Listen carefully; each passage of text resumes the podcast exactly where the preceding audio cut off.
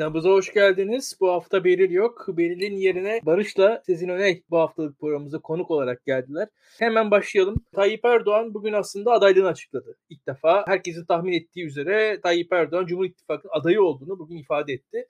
Ve adaylık meselesi birazcık daha ciddi olarak konuşulmaya başlandı. Yani muhalefetin adayı kim olacak? Başka adaylar çıkacak mı? Bu adaylık konusunda Barış senle başlayalım. Sence ne olacak? Millet İttifakı'nın adayı kim olacak? Öncelikle ben şunu söylemek istedim. Bugün zaten Tayyip Erdoğan aday olacağı hani pek sürpriz olmadı kimse için. Ama yine de bunun ilan etmesine ve çünkü son zamanlarda bunun aksi yönünde de söylentiler de vardı. Hani ekonomi kötüye giderse farklı bir senaryoya yönelebileceğine dair bir söylenti de vardı. Bunun olmamasına sevindim.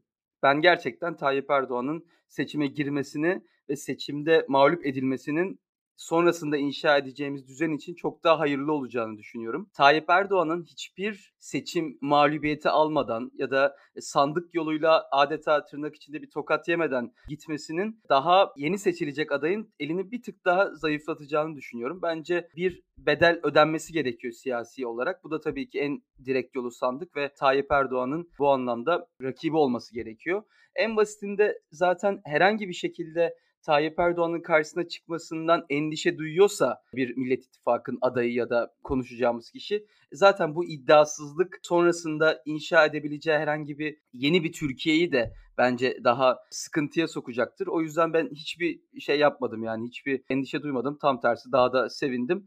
Üçüncüsü Tayyip Erdoğan'ın mağlup edilmiş olması seçimden sonra bizi bekleyen sıkıntılı, çok tartışmalı, herkesin kendi kampına biraz daha gideceği yani şu anki seçime dayalı o çok daha dikkatli konuşmanın siyaseten hiçbir kaza kuruşuna yol açmama girişiminin daha dağılacağı ortamda Tayyip Erdoğan'ı mağlup etmiş bir adayın çok daha meşruiyet sahibi olacağını ve restorasyon adımlarını çok daha güvenle ve halk nezdinde karşılığını bularak atacağını düşünüyorum. Bu adaylık açıklaması ile ilgili şimdilik düşüncelerim bunlar. Sezin sen ne dersin? E, aslında çok güzel bir başlık seçmişsiniz. Seçimlere kadar neler olacak? Ben de çok merak ediyorum. Giderek de daha fazla merak etmeye başlıyorum. Ve aslında Erdoğan adaylığını açıklaması da o seçim sancısı olarak benim nitelediğim yani AK Parti'nin seçime müthiş ihtiyaç duyması bir yandan fakat seçime gidememesi hali bunları yaşadığı için şu an AK Parti ve Erdoğan o sandık gücünü bir türlü tazeleyemiyorlar. Buna ihtiyaç duyuyorlar. Fakat bir yandan da bunu yapamadıkları için de ortada o seçim atmosferi sürekli gündemde kalıyor ve meşruiyet de sağlanamıyor. Meşruiyetin sağlanması için atılan adımlar da Mesela işte ekonomik bir takım şeyler yapılmaya çalışılıyor. İşte bir süre bir işe yarıyor ama daha da kötü olarak ekonomik sorunlar geri dönüyor. İşte dış politikada veyahut da başka alanlarda dikkat çekici bir takım şeyler yapılmaya çalışılıyor. Fakat bir süre gündem oluyor hemen geri düşüyor. Suriye Harekatı operasyonu en önemli şu anki gündem maddesi aslında ve defalarca aslında bizim hayatımızı, gündemimizi, siyasetimizi çok belirleyen bir aslında durum oldu. Bu girişim oldu Suriye operasyonu. Bu sefer oradan da bir varlık sebebi çıkmıyor gibi gözüküyor. E şimdi böyle bir ortamda Erdoğan bir an önce rakibini sahaya çekmek istiyor. Zaten çok dişli bulmadığı aslında küçümsediği rakibi Kılıçdaroğlu olarak onu görüyor. Bir takım işte muhafazakarlık olsun, işte bir takım klasik Türkiye'nin kodları neyse işte artık onlar onları kullanarak tekrardan bir kendi tabanını konsolide ederek belki çok görkemli bir zafer değil ama bir gene sandıktan çıkabileceği ortamı yaratmaya çalışıyor.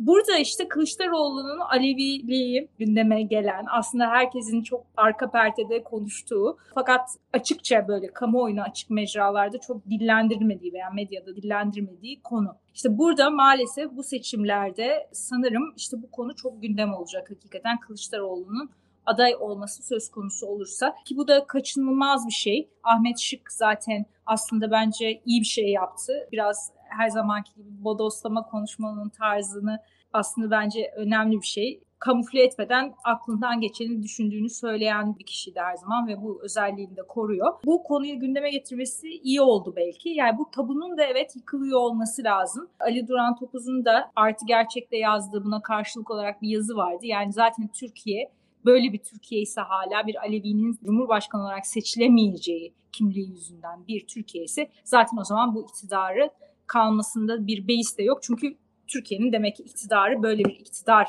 olmak durumunda. Türkiye bunu hak eder, ediyor o zaman gibi. Bu tabii tartışılır ama bütün bunların konuşuluyor olması bence Türkiye'de nereye gideceksek AK Parti sonrası son derece aslında belirleyici e, bugünden yaratmaya başlıyoruz o bu tartışmalarla. O yüzden önemli buluyorum ama sancılı bir dönemin geldiğini de öngörüyorum. 2022'nin ikinci yarısı ve 2023 Türkiye için çok kolay yıllar olmayacak herhalde. Ben de birkaç şey ekleyeyim. Ben politik yolda biraz şeytan avukatlığını yapmıştım. Muhalefetin adayı neden erken açıklanmamalı diye bir yazı yazdım. Erken açıklanırsa 3. 4. adaylar için de bir yol açılacağını düşünüyorum ben. Aday kim olursa olsun. Çünkü her açıklanan adayın bir antitezi var. Yani her açıklanan adayın mutsuz edeceği insanlar var ve mutsuz edeceği çevreler var.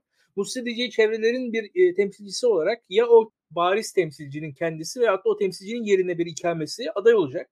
Ve muhalefet ister istemez parçalı bir yapıya dönüşecek. Yani mesela Buradaki konuşulan dört aday var diyelim elimizde. İşte en başta Kemal Kılıçdaroğlu. Diyelim aday olarak şu an açıklandı. Kemal Kılıçdaroğlu olmayan o diğer ihtimaller neler? Bir taraftan daha milliyetçi çevrelerin bir adayı mesela ister istemez. Bu Akşener olabilir, Mansur Yavaş olabilir. Veyahut da Akşener'e, Mansur Yavaş'a tek tek teklifler gider. Onlar Kılıçdaroğlu'nu desteklediklerini açıklamak durumunda kalırlar. O durumda bile diyelim ki bir üçüncü isim yani mesela bir Sinan Ogan, mesela bir Ümit Özdağ bir üçüncü yani bir üçüncü milliyetçi muhalif aday olarak ortaya çıkar diye düşünüyorum ben. Veyahut da tam tersine ya diyelim Mansur Yavaş aday oldu. Muhalefetin ortak adayı veya da Meral Akşener muhalefetin ortak adayı. Bu sefer diyelim ki Muharrem İnce bir Cumhuriyet Halk Partili aday olarak e, Cumhuriyet Halk hani hakiki Cumhuriyet Halk Partili aday olarak kendisini öne çıkartabilir ve ciddi bir şekilde oy alabilir diye düşünüyorum. Ve, ve bu da seçimleri anında ikinci tura bırakıp bıraktırır. Ve o 15 günlük noktaya hani bizi mahkum eder. Hala şu anki şartlarda bile aslında şu anki her şeyin muhalefetin ideal olduğu şartta bile ikinci tur ihtimali var ama muhalefetin en azından geniş bloğu yani o altılı masanın ilk tura tek adayla girmesi ikinci tura onu daha hazır kılacaktır öyle ya da böyle diye düşünüyorum ben. Burada bu yüzden de muhalefetin adayını mümkün olduğunca geç açıklamasının bir mantığının olduğunu düşünenlerdenim açıkçası. Çünkü bizi iki turlu seçime zorlayabilir erken aday açıklamak. Çünkü o üçüncü adayın bir şekilde daha kurumsallaşmasını, daha güçlenmesini, üçüncü aday ihtimalinin yükselmesini ortaya çıkartır adayın erken açıklanması diye düşünüyorum. Mesela ya Tanju Özcan mesela işte Bolu Belediye Başkanı aday oldu diyelim. Bir ilgi toplar. Yani öyle aday olsa ilgi toplayabilecek figürler var muhalefette. Bu dört ismin de dışında. İşte Ümit Özdağ aday oldu diyelim. Yani muhtemelen Özdağ da onu deneyecektir. Yani Mansur Yavaş'a teklif edecektir. O kabul etmediği zaman kendisi aday olacaktır. Böyle isimler var. Bu tarz hareketler ben bekliyorum ki biraz bundan dolayı da muhalefet yani çok da planlı olarak değil ama daha ziyade yani biraz bundan çekindiklerini düşünüyorum. Yani özellikle e, bir üçüncü aday ihtimalinden korkuyorlar ve o yüzden son ana bırakıyorlar. Bu işler hep son ana kalır.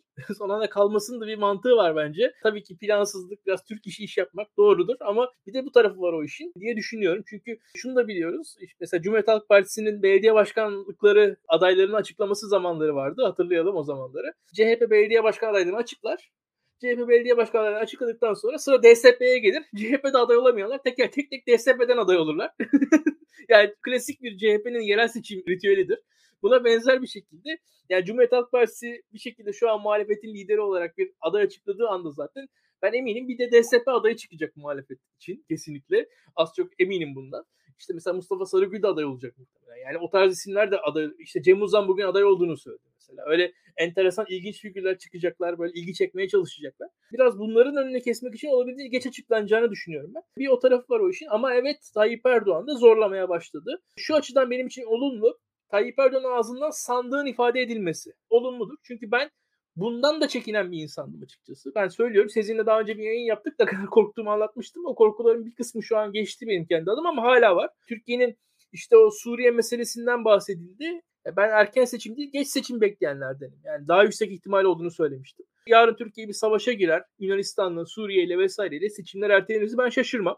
Bunun gibi ihtimalleri ben daha yüksek gören bir, bir insandım. Bu açıdan da sandığın konuşulması, Erdoğan adaylığının Erdoğan tarafından söylenmesi ülkenin birazcık da olsun normalleşmesidir. Benim ben olumlu buluyorum. Gerçekten öyle. Barış'ın dediği gibi muhalefet de bugün yarın sonuçta yasal süresinde adayını açıklar. Çok da sıkıntı değil, çok da dert değil. Süreci olumlu bulduğumu söyleyeyim ben diye düşünüyorum. Sizin ekleyeceğiniz bir şey yoksa birazcık... Ya ben sadece şunu ekleyeyim. Tayyip Tabii. Erdoğan o kadar karşısındaki adayın bir an önce açıklanmasını ve bunun Kılıçdaroğlu olmasını istiyor ki Hani normalde ağzından salyalar saçarak son derece agresif bütün durumlara karşı son derece tansiyonu yükselten açıklamalar yapan kişi bugün adeta Sünni Alevi ayrımını kınayan bir açıklama da yaptı. Çok enteresan yani bu böyle bir şeyin CHP'de olmaması gerektiği falan. Hani Kılıçdaroğlu'nu savunmak açısından böyle bir e, çıkışında böyle itidalli bir dil kullandı yani buna karşı olduğunu ya, gösteren. Barış şimdi 2011'de biliyorsunuz Alevi diye böyle e, her meydanda söylüyordu orada. T24'teki bir beyefendi çok güzel bir yazı yazmıştı. Bizde arşivler sürekli Türkiye'de silindiği için kalmıyor ama hatırlıyorum yani 2011'de gayet sürekli Aleviliğine vurgu yapıyordu Tayyip Erdoğan. Yani olumlu tabii. Ahmet Şık'ın açıklaması konusunda ben de sizinle katılıyorum. Türkiye o meseleleri aştı mı emin değilim.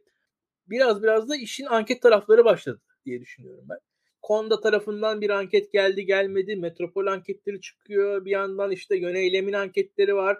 Hepimizin eline anketler geçiyor. Eminim Sezin yakından takip ediyor. Barış sen de takip ediyorsun. Yani şu anda aslında bir açık kapalı bir anket savaşı yaşıyoruz. Anketlerde muhalif liderlerin Erdoğan'a karşı aldıkları oylar önümüze konuyor. O oylar ne kadar yansıtır yansıtmaz tartışılıyor. Farklı tezler var. Bir de bunlar için fikirlerinizi alalım anketlerin tabii ki tek bugünkü durumuna değil nasıl bir çizgi izlediklerine de bakmak lazım. Yani Erdoğan zaten bir süredir çeşitli adaylar tarafından geçiliyordu. Burada daha yeni olan Kılıçdaroğlu tarafından da rahat biçimde geçiliyor olması. Demek ki sadece Mansur Yavaş, sadece Ekrem İmamoğlu değil, aynı zamanda Kılıçdaroğlu da gayet rahat şu aşamada Erdoğan'ı geçebiliyor gibi gözüküyor. O seçim sürecinde bir kere adaylar açıklandıktan sonra şu an bu altılı masanın bir büyüsünün olduğunu da unutmamak lazım. O büyü nasıl devam eder ve bir aday açıklandığında bununla ilgili bir e, soru işareti vesaire olmaya başlar mı bilemiyorum. Şöyle ki bu adayın kimliği ötesinde şu an biz bir bütün masa görüyoruz. O masadaki her karakterin hatta masa dışındakilerin büyük ağırlığı ve önemi de var. Dolayısıyla Ali Çarkol geçtiğimiz günlerde Habertürk'te katıldığı bir tartışma programında pek onları izlemiyorum ama tesadüfen Ali Çarkol olduğu için bir kısmını izledim. Ve orada hakikaten katıldığım bir görüşü dile getiriyordu. O da şuydu, bu sefer aslında e, biz lider odaklı bir seçim yaşamayabiliriz. Her zamankinin aksine, başkanlık sisteminde olduğumuz halde. Şöyle ki bu sefer sadece aday kim olursa olsun o yarışıyor olmayacak Aynı zamanda mesela diyelim ki Kılıçdaroğlu aday oldu. Mansur Yavaş, Ekrem İmamoğlu, Canan Kaftancıoğlu, Meral Akşener farklı farklı hem parti lideri olan hem olmayan tabii ki Ali Babacan ve Ahmet Davutoğlu da e, bir şekilde onları e, biz aslında hepsi beraber geliyor gibi görüyor olacağız. Yani tek bir lidere odaklanmıyor olacağız diyordu Çarkoğlu. Ve açıkçası işin bu tarafı da var. Tabii ki o işte dediğim gibi altılı masanın ve altılı masa aslında altıdan da geniş bir masa. Biz bunu biliyoruz ve hissediyoruz yani orada bir tek altılı görüntü olsa da o masanın yuvarlaklığı bozulur mu aday açıklanınca diye benim de bir açıkçası şüphem var. O yüzden İlkan'a katılıyorum. Yani hakikaten bence de adayın açıklanmasının geciktirilmesinin hiçbir sakıncası yok. Tam tersi avantajı var. Çünkü o masanın bir lideri olduğunu bana kalırsa ne kadar geç hissetsek o kadar iyi. Ondan dolayı o masanın bütünlüğü ve beraber performansı ne kadar sürerse bence bu Ali Çarkoğlu'nun da önerdiği bir bütün halinde aslında muhalefeti görmek ve onlar beraber gelecekler. Sadece Kılıçdaroğlu geliyor değil, aynı zamanda Mansur Yavaş da geliyor, Ekrem İmamoğlu da geliyor, Meral Akşener de geliyor. Hatta HDP de geliyor düşüncesi kendi seçmenleri açısından HDP'nin de sözü dinleniyor olacak gibi mesela bir psikoloji yaratabilir. E, Erdoğan'ın seçim telaffuz etmesi çok güzel. Doğru, önemli bir şey sandığı göstermesi. Ama o sandık sürecine kadar neler olacak ve özellikle HDP'nin kapatılması konusu ki unutmayalım Avrupa Parlamentosu'ndaki çok ağır Türkiye raporu ve bunun ötesinde işte Türkiye raporteri Nacho Amor Sanchez'in de bir kırmızı çizgi olduğunu HDP'nin kapatılmasının ki yumuşak konuşan ve Türkiye'ye pozitif bu anlamda yaklaşmaya çalışan da bir raportör. HDP kapanırsa bu süreç biter demesi bence dikkat çekici. Orada işte işleri çok karıştırmayayım ama ekonominin de toparlanamaması toparlanmasını da pek beklemiyoruz herhalde. Daha da kötüye gitmesi durumunda bir belki krizli o halli hatta bir sürece girer miyiz diye düşünmeden de edemiyorum açıkçası. Sezin'in dediklerine kaç şey de ben ekleyeyim. Tecrübelerimizde şu da var mesela Ekmelettin İhsanoğlu adaylığı var hakikaten. O Ali Çarkoğlu'nun tezlerini aklıma getirdiği şey o. Ve orada şu vardı. Onlarca parti İhsanoğlu'nu destekliyordu teknik olarak ama hiçbir parti hiçbir şey yapmıyordu aslında o zaman. Ve hatta o kampanyaya dair söylenenler şuydu. Ekmekli İhsanoğlu'nun yakın ailesi falan kampanyada önemli roller almışlar vesaireler. Yani hakikaten çok o kurumsallık, o organizasyonun olmadığı, o parti örgütünün arkada hareket etmeli. Ki şunu da biliyoruz az çok. Mesela İstanbul seçimlerinde gördük 2019'da. 2014'te aslında Ankara'da neden muhalefetin seçimi kazanamadığını da gördük. Yani orada adayın iyi olması tamam önemli ama sandıklara sahip çıkacak bir örgüt olması lazım. Örgüt olmadan seçimi kazanamıyorsunuz. Yani orada bir de o var ve bu bu seçimi de herkes bizim gibi böyle şanslı olup buralardan konuşabilen insanlar adaya bakıyorlar ve siz işte projelere bakıyorlar. Neler öneriliyor ona bakıyorlar. Çok doğru, çok güzel ama biraz az konuştukları bir şey var. Ya sandıkların başına duracak bir örgüt lazım bence. Yani onu biraz kaçırıyoruz yani. Orada gerçekten de yani Cumhuriyet Halk Partisi örgütünün, HDP örgütünün en başta açıkçası bu iki örgütün ben çok önemli olduğunu düşünüyorum. Bu seçim sandıklarına sahip çıkmak açısından yani Türkiye'deki yaygınlık vesaire buna İyi Parti de ekleyebilirsiniz. Bu örgütlerin bir şekilde gerçekten sandıkların başında tüm Türkiye'de 81 ilde yüzlerce ilçede 100 bin tane sandıkta yani yüz binlerce kişi 1 milyona yakın kişinin sandık günü, seçim günü aktif olarak çalışıyor olması lazım. 1 milyon kişi, ya yani Türkiye Cumhuriyeti ordusundan daha fazla insanı muhalefetin o gün mobilize etmesi, görevli olarak mobilize edebilmesi lazım. Şimdi bu kolay bir şey değil. En azından yani en az minimum rakamları söylüyorum burada. Yani ve bu çok önemli bir şey. Bu olmazsa zaten seçim kazanılamaz bir defa. Yani çünkü Türkiye şartları belli. Türkiye'de bunu organize edemiyorsun. Ettiğiniz anda kazanabilirsiniz ama. Mesela benzer örnekler eminim Sezin çok daha iyi bilir. Yani mesela Rusya'da muhalif olsanız Rusya çok büyük bir ülke. Muhalif olarak örgütlenemezsiniz ki Rusya'da yani bir defa en basitinde. Mesela Türkiye'de de örgütlenmek kolay değil en azından ama tabii Rusya'ya göre daha kolay. Ama öyle de böyle Urfa'da da sandığın başında durmanız gerekiyor. Hakkari'de de durmanız gerekiyor. Diyarbakır'da da, Rize'de de, Artvin'de de, Konya'da da tüm şehirlerde sandığın başına durmanız gerekiyor. İhsanoğlu'nun bile adaylığı sırasında şu vardı. Yani İhsanoğlu'na teorik olarak destek veren partiler mesela Büyük Birlik Partisi bile destek veriyordu İhsanoğlu'na ama İhsanoğlu'nun fotoğrafı falan hiçbir Büyük Birlik Partisi bürosunda asılı değildi. Hiç kimsenin umurunda değildi. Yani hiç kimse zaten inanmıyordu, güvenmiyordu. Yani o birincisi destek veren partilere siz de kazanacaksınız. inancı verebilmesi gerekiyor. Ve kazananın yanında yer alacaksınız inancı verebilmesi gerekiyor adayın da yani burada ve o partileri harekete geçirmesi gerekiyor. Parti organizasyonuna ihtiyaç var çünkü. Her parti organizasyonuna ihtiyaç var çünkü herkesin bildiği gibi Türkiye'de seçimleri esasında partiler düzenli. Yani o seçim kurullarını, e, sandık kurullarını partiler bir şekilde organize ediyor. O partilerin orada olması gerekiyor. Partilere ihtiyacımız var diye düşünüyorum. Bir onu ekleyeyim. Yani o çok önemli. O partilerin beraberce hareket edebilmesi lazım. Ve onun dışında tabii ki seçime kadar Sezin'in dediği gibi o süreçte ben de aynı kaygıları taşıyorum. Yani e, HDP'nin ben kapatılma ihtimalini yüksek görenlerdenim. Ekonomide de hiçbir olumlu sinyal beklemiyorum açıkçası. Sezin'in de sanırım e, içinde olduğu parti işte Yeşilleri yani Yeşillerin yaşadığı süreç yani hepimiz biliyoruz niye o süreci yaşıyor. Aslında HDP'nin yan partisi olmasından korkuyorlar. o yeşilleri ve ondan dolayı o partinize açılamıyor yani baktığınız zaman. Şu İçişleri Bakanlığı bir şekilde engelliyor. Yani bu çok minör bir olay gibi gözüküyor Türkiye'deki adeta. Yani sizin partinin yaşadığı süreç aslında Türkiye'de hani ben hani HDP'nin kapatılacağını Yeşillerin yaşadığı şeyi gördüğüm anda hissettim. Yani ben kendi adıma öyle yorumladım. Demek ki kapatacaklar. Niyetleri o. Bir zaman geldiğinde kapatacaklar ve yarın bir gün HDP'liler abi bir anda yan partiden bu kapatmayı aşamasınlar diye de şimdiden Yeşillerin önünü kesiyorlar diye düşünmüştüm kendi adıma. Bilmiyorum sen ne dersin? Sizin o partinin yaşadığı şey bile aslında bence geleceğin göstergesi. Evet bu arada hatırlatalım Yeşillerin e, yani yeni Yeşil Parti'nin Türkiye'nin daha önce partileri oldu ama seferki yeni kurulacak olan bir türlü kurulamadı. Çünkü İçişleri Bakanlığı evrakları aldı fakat işleme koymadı. Herhalde yani bu kadar da aslında tamamen çevre konusuna odaklı bir Yeşil Partisi de olmamıştı Türkiye'nin. Yani diğer tüm partilerden bağımsız ve herhangi bir şekilde o anlamda diğer bir partiyle de işbirliği veyahut da ayrımsız olarak veya tarafla benim gözlediğim kadarıyla yanlış bir şey söylediysem yetkililer affetsinler ama benim gözlemlediğim kadarıyla yani kendi başına özellikle durup çevre konularını gündeme getirmek isteyen de bir yapı. Bu açıdan mesela HDP ile de bir işbirliğiydi vesaireydi. Bu tarz şeylerde mesela daha önceki gibi daha önceki Yeşil Partiler gibi olmayı da önceleyen veyahut da böyle bir hedefi olan bir yapıda değil. Bu da ilginç yani tamamen yeşil bir partinin kurulmasının Türkiye'de engellenmesi. Daha doğrusu aykırı şekilde evrakların işleme konmaması. tabii tabii.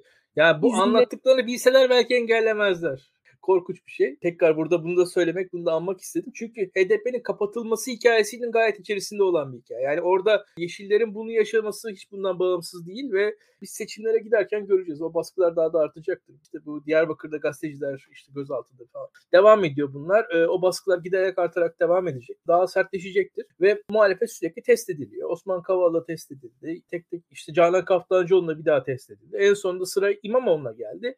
Yani en son orada o testte bir noktada durdular. Yani burada o test devam edecek. Yani siz adamınızı bırakıyor musunuz, veriyor musunuz, alıyor musunuz? Yani orada bir muhalefetin tavrıyla bu işler belirleniyor diye düşünüyorum. Hiçbirisinde hukukun bir rolü olduğuna inanmıyorum kendi adıma. Kısacası seçime kadar böyle gideceğiz. Ekonomi konusunda da bakalım. Yani bugünlerde bu saatlerde falan bir bakanlıklarda açıklama bekliyoruz yani şu anda da. Ya bilmiyorum ne olabilir. Bizim Enes şey dedi. Mesela Rusya'daki gibi bir ihracatçılardan Rusya'da %80 civarında bir rubleye döndürme paralarını, ihracat gelirlerini e, zorunluluğu var. Türkiye'de bu %40 bu arttırılabilir dendi. Onun dışında yurt dışına giden Rus vatandaşlarının yanlarına götürecekleri paralar 5000 dolarla sınırlandırılmış. Mesela Türkiye'de de belki böyle bir sınır gelebilir. Yani o tarz fikirler var. Süper bono zaten tartışmaları bir yandan var ama Türkiye'deki enflasyon rakamları çok güvenilir olmadığı için o bonolara ne kadar ilgi olur o da tartışılır. Böyle tartışmalar çok ve şu anda da biz ekonomik meseleyi yaşayacağız. Seçime kadar daha sert yaşayacağız diye düşünüyorum. Valla hepimiz de farklı farklı boyutlarda Türkiye'de Barış bilmiyorum sen Hollanda'da ne kadar yaşıyorsun ama biz çok ciddi bir şekilde gıda krizinden tut kira krizine kadar hepsini yaşıyoruz. Oradan nasıl gözüküyor bunlar? Ne dersin? Hani Türkiye'de bunlar yaşanırken şimdi buradaki yüzde 10 enflasyonla ilgili falan bir şey söylemek çok büyük hadsizlik olur. Ama hani buranın gündemini sordun diye söyledim. Şimdi bütün bu duruma giderken az önce konuştuğumuz meseleler çok önemli. Sandıkları korumak, adayın örgütleri sahaya indirebilmesi ve elbette bu bunun da adını koymak lazım. En kritik partilerden biri HDP'nin parti olarak seçime girmesi ve muhalefetin diğer aktörlerinin ulaşamayacağı bazı bölgelerde ya da örgütlenmesinin çok zayıf olduğu ülkenin bazı bölgelerinde de sandığın korunabilme kabiliyetinin bu sayede kazanılması olacaktır. E tabi Avrupa Birliği'nin çizgi çekmesi çok önemli.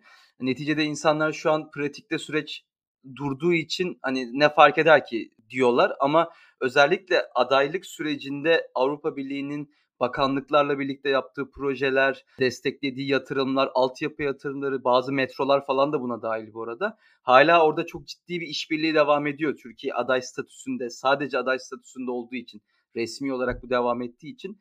Şimdi Tayyip Erdoğan seçimi kazanmak için bütün bu işbirliğini çöpe atar mı? Atar. Yani o da o da bizi şaşırtmaz. O yüzden bu anlamda orada da olumlu bir güvence olarak görmüyorum Avrupa Birliği'nin bu açıklamasını ama çok çok gerçekten hani yine zarar görenin vatandaşlar olduğu bir düzlem kurulmuş olur. Tayyip Erdoğan zaten bu deneyleri kapsamında birçok duruma yol açıyor. Şimdi bugün aslında yine bu adaylık ve seçimle ilgili söylemek istediğim şey bu dış operasyonlar ayağının bir kısmını görüyoruz. Sezin Hanım bu konuları çok daha iyi bilir. Hani Türkiye-Yunanistan ilişkileri ve iki tarafın gerginliğiyle ilgili o da eminim birkaç söz söyleyecektir.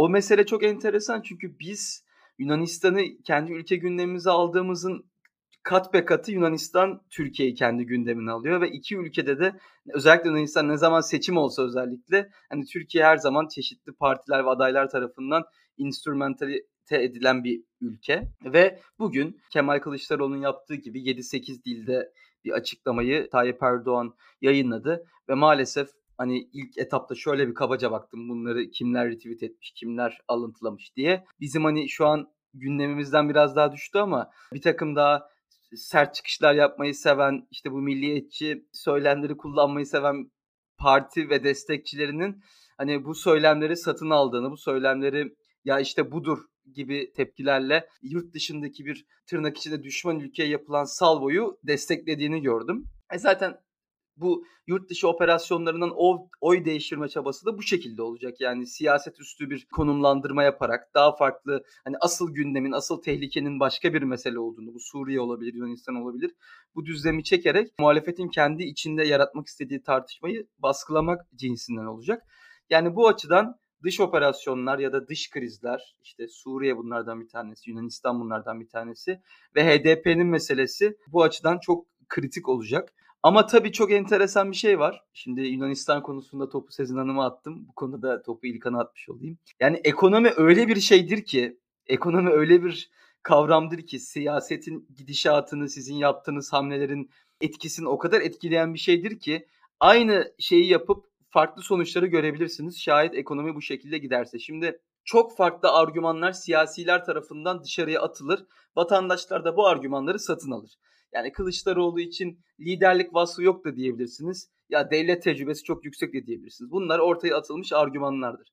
Ekonominin değişmesiyle, orada tek bir indikatörün değişmesiyle vatandaşın o argümandan hangisini seçtiği bir anda değişebilir. Yani bir anda hiç beklemediğiniz bir kesimin mikrofon uzatıldığında sokak röportajında ya Kılıçdaroğlu yani tamam eleştiriyoruz da ya çok büyük devlet tecrübesi var bir kere buna da kimse laf etmesin gibi şeyler duyabiliriz. Yani satın alınan argüman ekonomi birden bunun yönünü değiştirebilir.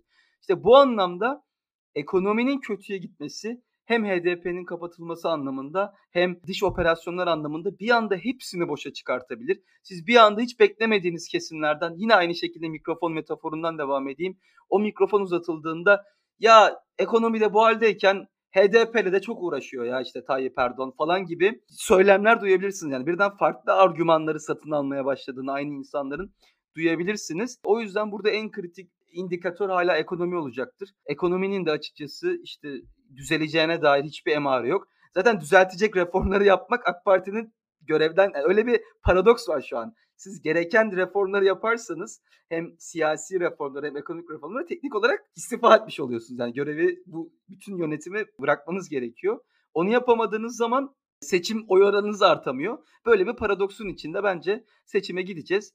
Ve açıkçası şu tarihten de hani bu saydığım dinamiklerin seçimin akıbetini etkileyebilecek bu saydığım dinamiklerin çok da faydalı olabileceğini düşünemiyorum. Ekonomi böyle gittiği sürece. Ha tabii bu demek değil ki bütün bunların bedelini ödemeyeceğiz. Bunların yarattığı gerginliklerin, ekonomik zararlarının ya da işte toplumsal karmaşasının bedelini ödemeyeceğiz anlamına gelmiyor. O yüzden bizi daha kötü günlerde bekliyor olabilir. Sizin sen ne dersin? Gerek Suriye meselesi, gerek Yunanistan meselesi Türkiye iki tarafta da e, sıcak gündemlerle karşılaşabilir. Daha öncesinde başka yayında İsveç ve Finlandiya'nın NATO üyeliklerini konuşurken ben işi Suriye'ye bağlamıştım. Yani Türkiye'nin bir Suriye'de bir harekatı gündemde öyle ya da böyle. Yunanistan'da da belki Suriye'deki kadar sıcak değil ama bir biraz bir kardak gibi bir şeyler olabilir olsa şaşırmam kendi adıma. Sen ne dersin? Açıkçası ben de şaşırmam beklenmeyeni beklememiz gereken bir döneme giriyoruz. Çünkü hakikaten iktidar değişikliğinin ucu gözüktü. Ee, bu Türkiye'de büyük bir devrin kapanması demek ve asla da bu iktidarı terk etmek, bırakmak istemeyen bir parti var. Dolayısıyla burada çok kolay bir e, değişim dönemi olacağını sanmıyorum. Burada e, değişim döneminin mümkün olabilmesi ancak AK Parti'nin kendi isteğiyle ya tamam artık hani ben de bir dönem veya da daha güçlenmek için çekileyim. Ama Erdoğan böyle bir lider değil. Liderliği de bırakmaya hiç niyeti yok. Bu savaşlar ve harekat meselesi bu hafta mesela benim e, Meral Akşener'in konuşması dikkatimi çekti. Normal şartlar altında klasik artık yani İyi Parti'nin de klasik olacak kadar büyük bir mazisi yok ama daha önceki örneklere baktığımızda Akşener'in konuşmasında Suriye operasyonuna odaklanacağı vesaire gibi şeyler daha olasıydı. Fakat hiç istifini bozmadan ekonomiye odaklı kalması çok önemliydi bana kalırsa. Bu dönemde İyi Parti'nin tavrı giderek büyüyen yani anketlerin hangisine güveniyorsun dedin. Açıkçası bazı anketlerde İyi Parti fazla yüksek görüyorum. %22 civarı gösteren mesela Konda anketinde vesaire. Keza daha önce %18 gö- göstermişlerdi gerçi. Öyle e, bir takım örnekler var. Belki o seviyelerde değil ama İyi Parti'nin oyunu arttırdığı kesin ve Meral Hanım'ın da çekim alanı yarattığı başlı başına bir lider olarak açık. Dolayısıyla böyle bir dönemde özellikle milliyetçiliğin rol oynayabileceği konularda hem HDP'nin kapatılması olsun hem işte böyle Türkiye dışındaki olası askeri operasyonlar veyahut da işte bir takım karışıklıklar olsun. Bunlarda Meral Akşener'in tavrı, İyi Parti'yi de geçti. Meral Akşener'in özellikle tavrı bence çok önemli olacak. Türkiye'de bu anlamda milliyetçiliği yeniden tanımlayabilecek mi ve ekonomi odaklı çizgisini sürdürebilecek mi? Bu e, önemli bence bana kalırsa. Ama bunun dışında hakikaten inişlerin çıkışların çok yaşanabileceği ve bu arada e, Sezin Hanım değil Sezin lütfen herkes için böyle e, hanım demenize hiç gerek yok. Baktığımda Yunanistan'da evet işlerin tekrar sarpa sarabileceğini düşünüyorum. Ki biz zaten öyle bir yaz yaşamıştık e, malum 2020'de. Şimdi tekrar işler o raddeye gelebilir. Çünkü ilginç biçimde Ukrayna Savaşı ile beraber Batı ile olan birdenbire yaşanan bahar havası tam da bahara denk gelen bahar havası birden bu NATO üyelikleri konusu üzerinden tamamen buz kesmiş durumda. Yani orada hakikaten AK Parti Avrupa'yı hiç önemsemediği için ve nasıl olsa bana mecburlar diye düşündüğü için mi yoksa durumun vehametini anlayamadığı için mi bilemiyorum. İkisi beraber herhalde birazcık. İsveç ve Finlandiya'da yarattığı fırtınayı o, kadar önemsemiyor ki herhalde bu ülkeleri veya onlarla bir takışma yaşamayı. bu kadar umursamaması ve aslında bunların da o ülkelerde ve Avrupa'da bu kadar ciddi yankılanıyor olması son derece enteresan tabii. Burada gerçekten belli bir noktada işte hep zorlanan dengeler var aslında. Bu dengelerde işte Avrupa ile mesela Avrupa Birliği ile veya Avrupa ülkeleriyle Yunanistan üzerinden olsun, başka konular üzerinden olsun zıtlaşma yaşanması bir şekilde Türkiye'nin idare edebileceği bir durum olarak görülüyordu ve yararı iktidarı olan bir durum olarak görülüyordu. Ama belli bir noktada kayış kopar mı? İşte Barış'ın söylediği her şeyin bir arada birdenbire ekonominin çığırından çıkması ki Enes sermaye kontrollerinden bahsetmiş aslında. Sermaye kontrolleri bence gelinecek en son nokta ve o noktaya geldiğimizde bana kalırsa bir o hal olmadan o nokta olmaz diye düşünüyorum. Şu aşamada belki daha başka şeyler yapılmaya çalışılacak ama bir yandan da oynanan kumarların dönüyor olması ve bu şekilde işte yani ekonominin de iyice çığırından çıkmasıyla belki birdenbire beklemediğimiz şeylerin üst üste yaşanabileceği bir dönemde olabilir. Öyle bir noktaya geldik ki ben şey diye bakıyorum yani şu andan sonra hükümet mesela faiz arttırsın azaltsın konusunda hani arttırsa ne olur azaltsa ne olur noktasına geldi öyle bir şey ki hakikaten artık arttırmasın zaten faizleri. Yani şu anda arttırırsa iyi de olmaz. O haldeyim ben şu anda. O noktadayım. Gerçekten de öyle. Yine aynı şekilde gelirlerimiz meselesinde öyle bir noktadayız ki bir tarafı düzelseniz öbür tarafı artık bozuluyor. Gıda gibi, akaryakıt gibi, ısınma gibi, barınma gibi artık en temel tükettiğimiz ürünler ki bunlar artık tüketmememizin mümkün olmadığı ürünler zaten.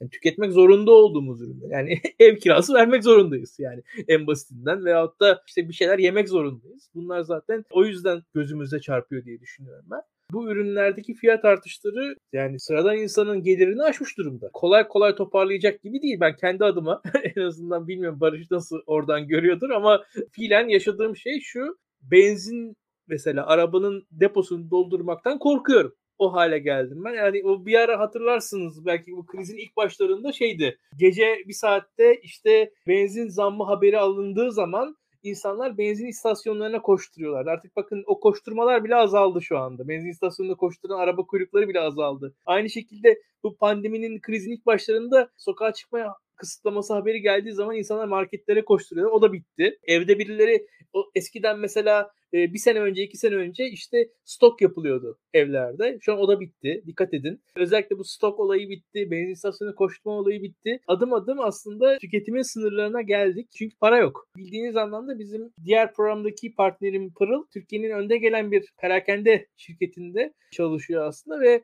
Türkiye'deki satış miktarlarını falan biliyorlar onlar. Yani onların elinde istatistikler var ve şu an Türkiye'de fiilen şöyle söyleyeyim temizlik malzemesi satışı azalmış durumda tuvalet kağıdı satışı azalmış durumda. Bunların azalması artık şey hani bu temel ihtiyaçların tüketimi azalmış durumda şu an Türkiye'de. Artık onlardan kısılıyor. Yani bu işin sonra gıdaya falan da gidebilir mi diye bakıyoruz. Çünkü ben öyle bir noktadayım ki şu anda yani önümüz yaz işte ne güzel diyoruz. Türkiye'nin turizm geliri artacak. İşte tarımsal üretim artıyor yazın. Hasat e, mevsimi öyle ya da böyle. Bir şekilde fiyatlar daha uygun hale geliyor. Türkiye'nin ekonomisinin rahatladığı bir dönem olur diye umuluyor ama ben şu an o noktadayım ki turistler de geldiği zaman belki de gıda fiyatları daha da artacak diye korkuyorum kendi adıma. Yani çok zor bir noktadayız.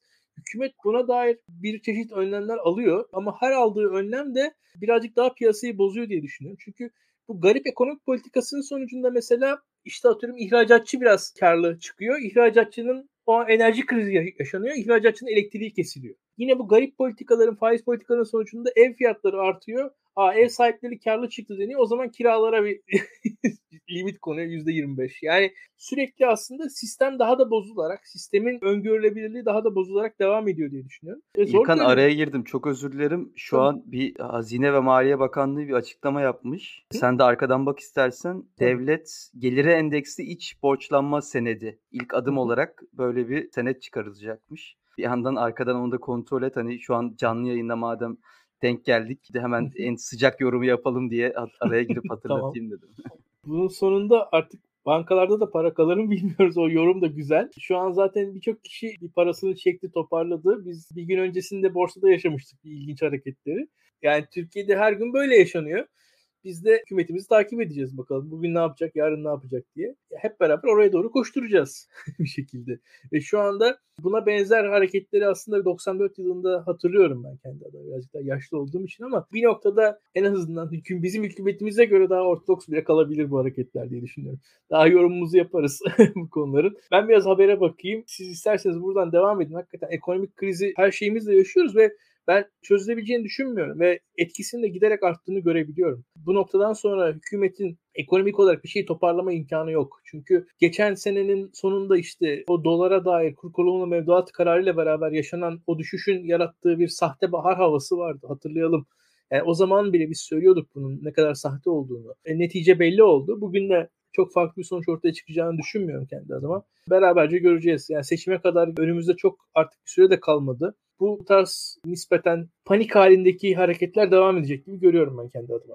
Açıkçası evet yani benim ben böyle bir yeni enstrüman e, açıklamalarını bekliyordum. Sanırım da olan o. Ya işte o e, sermaye kontrollerinden ve daha aslında işleri ipleri gerecek şeylerden çok şu aşamada e, kur korumalı e, mevduat hesabı tarzı yeni bir şey gibi bir sihirbazlık gösterisi e, yapmaya çalışacaklar. Bunlar eğer işe yararsa bu tedbir neyse siz daha detayını verirsiniz. Bir süre kur, kurda bir düşüş görüp ondan sonra tekrar yükselmenin olabileceğini düşünebiliriz tabii ki. Bu klasik artık bir yani. E, ondan sonra da o son tutuş olabilir. Daha da işte bu önümüz yaz, yazın işte daha aslında döviz vesaireyle ilgili Türkiye'ye giriş olması bekleniyor. Sadece turistler bakımından değil aslında Türkiye'nin dışında yaşayan Türkler biz hep beyin göçünden bahsediyoruz ama bir de Türkiye'ye geri dönüp yatırım yapan ve çok çünkü ucuz olduğu için veyahut da Türkiye'de harcama yapan Türkler de var tabii ki. E,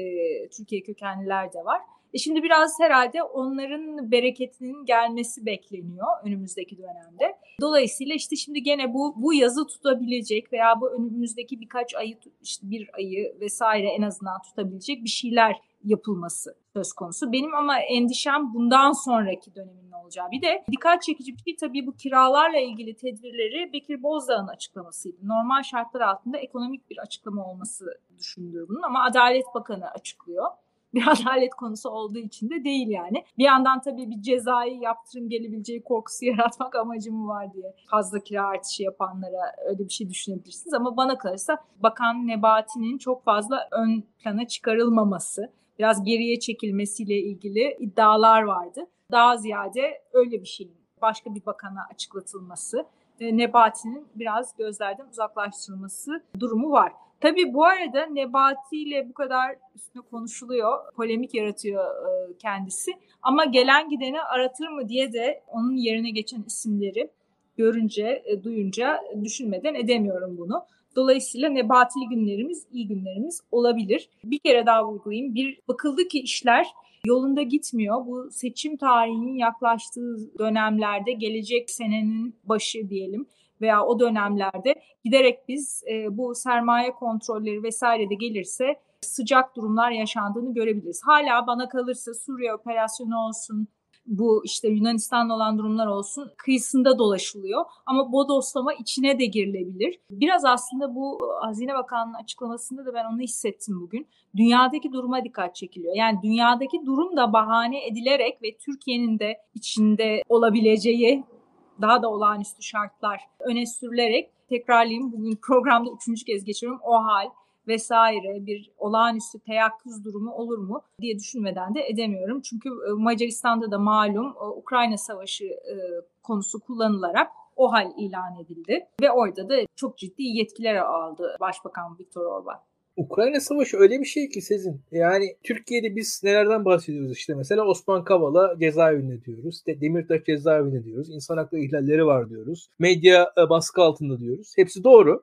Ama şöyle bir şey var. Mesela Ukrayna'da savaş var şu anda. Şimdi Ukrayna'da durum daha kötü noktasına geliyorsunuz. Şimdi Türkiye'deki olan biteni normalleştiren bir şey öyle ya da böyle. Şimdi Ukrayna'da yaşanan savaş. Türkiye'deki gibi Tayyip Erdoğan gibi bir lideri as lidere bir alan açıyor. Türkiye'nin etrafında bir savaş olması bence her zaman. Yani Türkiye'nin etrafında kibrit çakılsa Erdoğan'a yarar diye düşünmüş, düşünüyorum ben yani. Çünkü bir savaş ortamı olduğu zaman zaten bir otoriter lider için gerçekten hani mesele güvenlik diyeceksiniz. Stalin için en ideal durum belki de İkinci Dünya Savaşı. Çünkü hakikaten, hakikaten o zaman mesela bir otoriter lider için bir meşruiyet kaynağı. Öyle ya da böyle. O yüzden çıksın ya da çıkmasın savaş. Ukrayna Savaşı da Erdoğan'ın her türlü otoriter politikası için gayet rahat bir meşruiyet kaynağı ve dünyada da Erdoğan o savaşın başındaki duruma göre bugün öyle ya da böyle daha meşru bir lider. Burada Batı'yı kızdırmasına rağmen Finlandiya, İsveç konusundaki tavırlarına rağmen savaştan önceki duruma göre daha meşru bir lider diye düşünüyorum ben. Hakikaten dünyada bu savaşlar sürdükçe de bu otoriterlik devam edecek. Yani bir yandan dünyanın bir barış havasına geçmesiyle beraber ancak bir demokrasi yükselebilir. Onu görebiliriz. Gerçekten de Türkiye'de otoriterlik ve bu olağanüstü hal vesaire bunlar seçime kadar yükselebilir. Yani yükselebilir ve burada muhalefetin tavrı bence çok önemli. Yani muhalefetin bir arada durma iradesi çok önemli. Ee, bunu İmamoğlu'nun e, davasında öyle ya da böyle gördük. Canan Kaftancıoğlu'nun siyasi yasak meselesinde aslında daha fazla görebilirdik. Orada tahmini bence Saadet Partisi gibi bir parti bile İyi Parti'de Kaftancıoğlu'nun yanında tavırlar aldı. Ama mesela o mitingde keşke tüm muhalefet yan yana gelebilseydi. Bence daha güzel bir, daha işlevli bir miting olabilir diye düşünüyorum ben. O tarz fırsatlar daha da iyi kullanılabilmeli. Muhalefet yan yana gelebilmeli. Yan yana geldikçe daha genişliyor muhalefet diye düşünüyorum. Bize gösterilen nokta şu ki Erdoğan bu fırsatları kullanacak. Yani dünyadaki çatışmalardan kendisine bir alan bulabiliyor ve bulmaya da devam edecek. Bunun dışında da Nebati konusunda Sezin'in dediklerine birkaç şey de ben eklemek isterim. Gerçekten de bir Berat Albayrak'ı özler hale geldik yani. İşin o tarafı var. Bu yıllarca Berat Albayrak eleştir eleştir eleştir. En son Nebati gelince hakikaten Berat Albayrak'ı arar hale geldik hükümetin ekonomi yönetiminde artık liyakat vesairesi falan hiçbir şey kalmamış durumda. Bunda Adalet Bakanlığı işin bir yandan verilmesinin de şöyle bir açıklamasını, izahını da ben, bir de ben yapmak isterim. Adalet Bakanı'na işi verdikçe mesela enflasyon meselesini bir ekonomik mesele olmaktan çıkartıp fırsatçıların, dolandırıcıların, avantajcıların vesaire üç kağıdı gibi veyahut da dünya konjonktürü bir tarafta global olarak dünya konjonktürü, yerel olarak da fırsatçı bir grup esnafın yaptığı işmiş gibi enflasyonu basitleştiren, enflasyondan aslında bunun bir numaralı müsebbibi olan iktidarı unutmamızı sağlayan, çünkü bu paraları basan birileri var. Yani enflasyon varsa bu ülkede. Yani bu paraları muhalefet basmıyor. Veyahut da işte atıyorum biz hep beraber burada belediyelerin su faturalarından, otobüs biletlerinden bahsediyoruz. Bunları tartışıyoruz. Tek tek tüm zamları tartışıyoruz ama aslında her şeyin gerisinde bu zamları e, zamların hepsinin gerisinde bu paraları basan iktidar var diye düşünüyorum ve Türkiye'de iktidarın bu harcamaya ve kendi harcama gücüne açıkçası aşık olduğuna inanıyorum ben. Yani bu iktidar o para gücünü çok seviyor ve IMF'e gitmemişse bunca kriz sırasında son 5 yıldır düşünelim IMF'e gitti gidecek dendi ve asla gitmedi. Neden? Çünkü bu iktidarın bildiği bir şey varsa o da o bütçeye hakimiyeti. O bütçeye hakimiyetini asla paylaşmak istemiyor. Ve bu bütçe kalmadıktan sonra da para basmaya devam etti ve enflasyon olarak biz bunu yaşadık. Elinde imkan kalmadıkça öncelikle gelecekteki imkanları sattı. Yap işlet devletle beraber. Gelecekteki imkanları satmak da bittikten sonra da para basmaya devam etti. Bu sistemi bozmaya hiç niyeti yok hükümetin ve bozmayacaktır. Erdoğan da burada şeyi yaşadı yani 2009 seçimlerinde öncelikle yüksek faizle krize girdiği zaman da işsizliğin arttığını gördü ve asla bir defa daha o 2009 krizindeki gibi o, o teğet geçen krizle en azından pek de teğet geçmemişti Türkiye'de. Benzer bir şekilde karşılaşmak istemiyor diye düşünüyorum. Kısacası gördüğüm budur. Sezin Barış yavaş yavaş bir saat oluyor. Son sözlerinizi bu tartışmalar üzerinde ekleyecekleriniz varsa hep beraber alalım. Ve de e, yayınımızı çok daha fazla uzatmayalım istiyorum. Ne dersiniz? Barış senle başlayalım. Yani çok ufuk açıcı bir yayın oldu benim için. İkinize de teşekkür ederim. Katılanlara, dinleyenlere de teşekkürler. Yorumları da takip etmeye çalıştım. Bence önemli durumlara işaret ettik. Hem bu OHAL meselesi, dış operasyonlar, HDP'nin durumunu izlemeye devam edeceğiz. Maalesef hepimizin hani kötü senaryolara karşı hiçbirimiz bunlar olmaz diyemedik ya da işte böyle bir şey beklemiyoruz diyemedik. Umarım gerçekleşmez ama bahsettiğimiz senaryolar çok barışçıl bir iktidar değişimi olur. HDP meselesini önümüzdeki dönemlerde çok daha fazla konuşacağımızı düşünüyorum. Hı hı. Ee, ve kapatılma olasılığında arttığını hakikaten düşünüyorum. Bunu kapatırken bir kere vurgulayayım. Ve hatta e, İsveç'le Finlandiya ile yaşanan krizde de bu Kürt meselesinin bir yandan yükseltilmesiyle ilgili de e, aslında niyet de olabilir iktidar tarafında gibime geliyor. Çünkü orada da aslında tabii ki asıl bu Kürt meselesi gene oradaki Kürt kökenli milletvekillerinin mesela işte İsveç politikasını krize sokuyorlar vesaire yani e, veya Finlandiya her şeyler yaşanıyor. Bunların ama Türkiye'ye yansıması ve tabii ki de bunun Türkiye'de de işte Avrupa bakın işte oradaki işbirlikçileri vesaireydi konularının gündeme gelmesinin bence iktidarın hedeflerinden bir tanesi NATO krizinde olduğunu düşünüyorum. Yani bütün bunlar bir paket halinde biraz da içgüdüsel yönelimleriyle iktidarın aslında bana bu göre yapılan şeyler. Burada e, bu hafta TÜSİAD Yönetim Kurulu Başkanı Orhan Duran'ın hem HDP'yi hem İyi Parti aynı gün ziyaret etmesi önemli bir adımdı sanırım e, bizlerin düşündüğü bu işte HDP konusunda bir takım şeyler yaşanabileceğiyle ilgili durumu başkaları da düşünüyor. Ve bununla ilgili e, tekrar vurgulayayım İyi Parti'nin alacağı tavır çok kilit rol oynayacak. Şöyle düşünebiliriz aslında iyi tarafından bakarsak. Önümüzdeki dönem sadece bir iktidar değişikliği değil, Türkiye'nin kendi kendini aşması ve bir yandan da belki tam yeni siyasetin kurulması değil ama o yeni siyasete gidecek yolu açacak bir en azından siyasetin kurulması, bir geçiş döneminin yolunun açılması mümkün. Bunda da işte bu Alevi meselesinin aşılması, Kürt meselesinin aşılması, hep tökezlediğimiz, düştüğümüz tuzaklar var ya, onların artık gündemden belki oynanamayacak şekilde üzerine kalkması söz konusu olabilir. Çok teşekkürler. Sezin Öney, Barış Ertürk. İkinize de çok teşekkür ederim. Bu hafta nabıza çok büyük katkılar sağladınız. Size zaten tekrar e, gelecek günlerde bir araya geleceğiz. Hemen hemen eminim. Çünkü bu yaz sıcak geçecek gibi gözüküyor. Bizim de siyaset programlarımızın sayısı da artacak, sırası da artacak gibi gözüküyor. Sizleri çok seviyorum. Bu arada e, onun dışında da bu gibi aslında Daktilo gibi yayın organlarının Türkiye'nin yeni medyası da kuruluyor bir yandan tartışma alanları da kuruluyor. Geleceğe kalacak ve taşınacak, daha da kurumsallaşacak. O yüzden de çok çok önem veriyorum. Bunu da vurgulayayım. Umarız geleceğe taşınabilir. Ki geleceğe taşınsın taşınmasın aslında şu süreçteki işlevi bence yeterli bile şu aşamada. Bu haftalık bu kadar diyelim. Yorumlarınızda katkılarınızı bekliyoruz arkadaşlar. Yayını izleyenler yayını paylaşabilirlerse çok memnun oluruz. Beğensinler, paylaşsınlar. İnsanlardan da bize dair eleştirilerini bekliyoruz diyelim. Herkese çok teşekkürler. Haftaya tekrar görüşmek üzere. İyi geceler. İyi geceler.